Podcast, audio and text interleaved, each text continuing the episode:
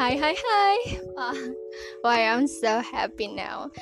Ya aku, aku senang banget Gak tau kenapa. Today is my best day. Eh, Ah lupa salam. Assalamualaikum warahmatullahi wabarakatuh Teman-teman semua. Huh.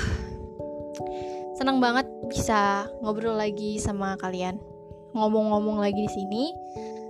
Oh iya, sekarang akan masuk bab baru baru ini adalah mengenai keseharian di Australia.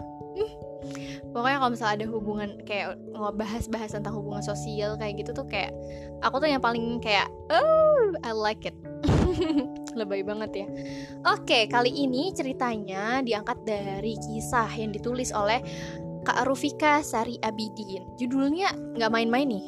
Perihal tidak berjabat tangan dengan non muhrim di Australia. Kira-kira gimana ya? Sulit nggak ya? Langsung aja kita dengerin ceritanya. Saya ingin membahas perihal berjabat tangan dalam konteks mahasiswi muslimah yang sedang menempuh studi di negara barat seperti Australia. Bagi saya, berjabat tangan atau tidak berjabat tangan dengan non-muhrim, lawan jenis yang tidak ada hubungan darah adalah sebuah pilihan pribadi.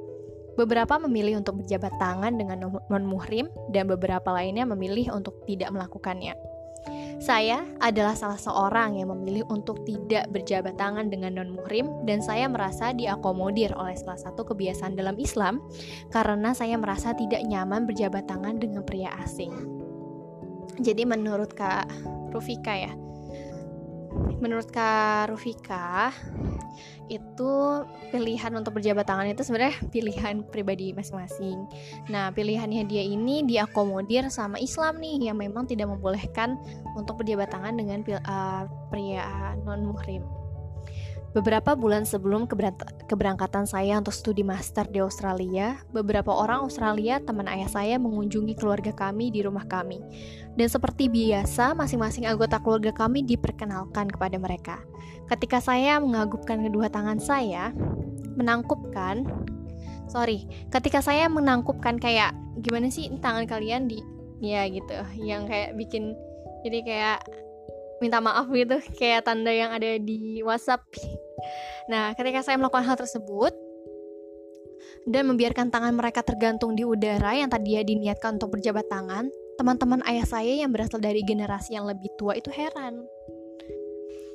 Mereka mempertanyakan mengapa saya tidak berjabat tangan dengan mereka dan menjelaskan kepada saya mengapa tidak berjabat tangan dianggap kasar dalam kebudayaan Australia. Secara fisik mereka mendemonstrasikan bahwa dua orang yang saling mengulurkan tangan untuk berjabat tangan menyimpulkan bahwa kedua orang tersebut memiliki niat baik.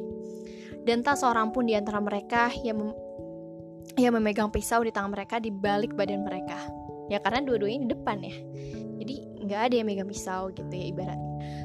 Sebab jika mereka menyembunyikan pisau di tangan mereka, di balik badan mereka, mereka tidak akan bisa mengulurkan tangan untuk berjabat tangan ini berarti apabila seseorang tidak mengulurkan tangan untuk berjabat tangan, maka ia boleh jadi menyembunyikan pisau di tangannya, di balik badannya dan memiliki niat yang tidak baik.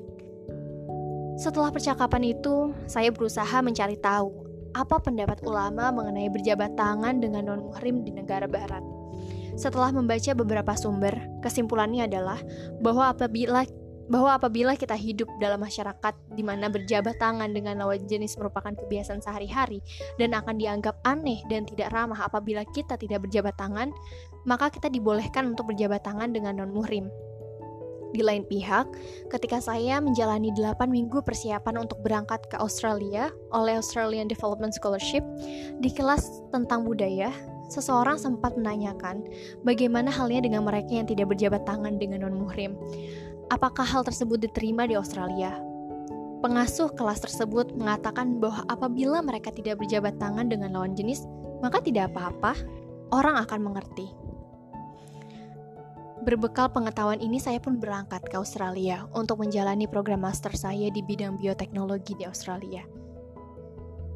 Di Universitas Nasional Australia, Australian National University, Canberra. Dan tentu saja, senan saya senantiasa menghadapi situasi di mana berjabat tangan merupakan norma yang berlaku. Pada saat saya diperkenalkan kepada seseorang, saat saya memperkenalkan diri saya kepada pembimbing atau penguji, sebelum dan sesudah sesi pertemuan akademis dan lain-lain. Aku bisa ngebayangin sih ya, gimana struggle-nya untuk uh, tidak berjabat tangan gitu, apalagi di negara yang menjadikan jabat tangan sebagai budaya kan kayak yang dibilang sama kelu teman keluarga ayahnya kak. Kara ya ampun kak Rafika. Maaf ya kak aku suka lupa di namanya. Rufika mm -mm. bahkan di Indonesia aja sulit untuk bisa seperti itu kalau menurutku setiap kali saya dihadapkan pada situasi di mana saya harus berjabat tangan dengan non muhrim saya menangkupkan kedua tangan saya sebagai tanda bersalaman dari jauh dan menunggu reaksi mereka. Saya berniat apabila ada ekspresi tidak berkenan di wajah mereka, saya akan mengulurkan tangan untuk berjabat. Tetapi alhamdulillah, ini tidak pernah terjadi sampai kepulangan saya ke Indonesia.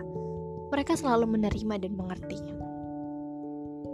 Kejadian yang paling berkesan adalah setelah ujian oral tertutup tesis master saya, Salah seorang penguji saya yang kebetulan seorang pria mengangkupkan kedua tangannya mengikuti gerakan saya untuk bersalaman dan mengucapkan assalamualaikum.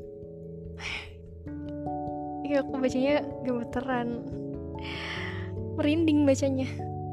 Hal ini membuat saya terharu karena dilakukan oleh seorang akademisi sekali berbeliau dan saya sangat menghargainya. Jadi sebagai kesimpulan, perihal berjabat tangan, walaupun sepele bagi sebagian orang, kadang-kadang dapat menjadi agak rumit. Tapi hal tersebut juga mengajarkan kita untuk menghargai perbedaan dalam budaya tiap-tiap orang. Bagaimana menanganinya dengan bijaksana, dan bagaimana hal tersebut dipengaruhi oleh situasi, kondisi, dan penilaian pribadi terhadap situasi dan kondisi tersebut. Merinding. Jujur tadi yang momen yang tadi tuh yang terakhir yang dilakukan oleh pengujinya terus dia mengucapkan assalamualaikum dengan mengucapkan tangannya juga itu kayak yang kadang tuh um, kita selalu kita merasa berpikir ini gak sih? Misalnya uh, kalian adalah orang-orang yang emang gak mau berjabat tangan sama non muhrim gitu. Uh, kita tuh berpikir kalau apalagi misalnya di luar negeri kita tuh harus menghargai lah budaya mereka gitu. Budaya mereka adalah itu berjabat tangan gitu. Tapi balik lagi gini ya masalah um, menghargai budaya berarti dia juga harus menghargai budaya kita dong. Dengan apa? Dengan kita yang nggak mau berjabat tangan. Jadi kayak menurutku tuh um, saling menghargai budaya itu artinya saling menerima sih menurutku ya. Gak mesti kita harus menjadi seseorang yang berbeda ketika kita harus merasa diterima. Kalau misalnya kita memang menjunjung tinggi penerimaan budaya tersebut gitu. Wah ceritanya ini singkat tapi penuh ini ya penuh inspirasi. Bukan apa ya penuh nilai-nilai yang bisa kita tanamin gitu. Seberat apa pun cobaan ujiannya gitu. Tapi kalau misalnya kita udah punya prinsip go with it.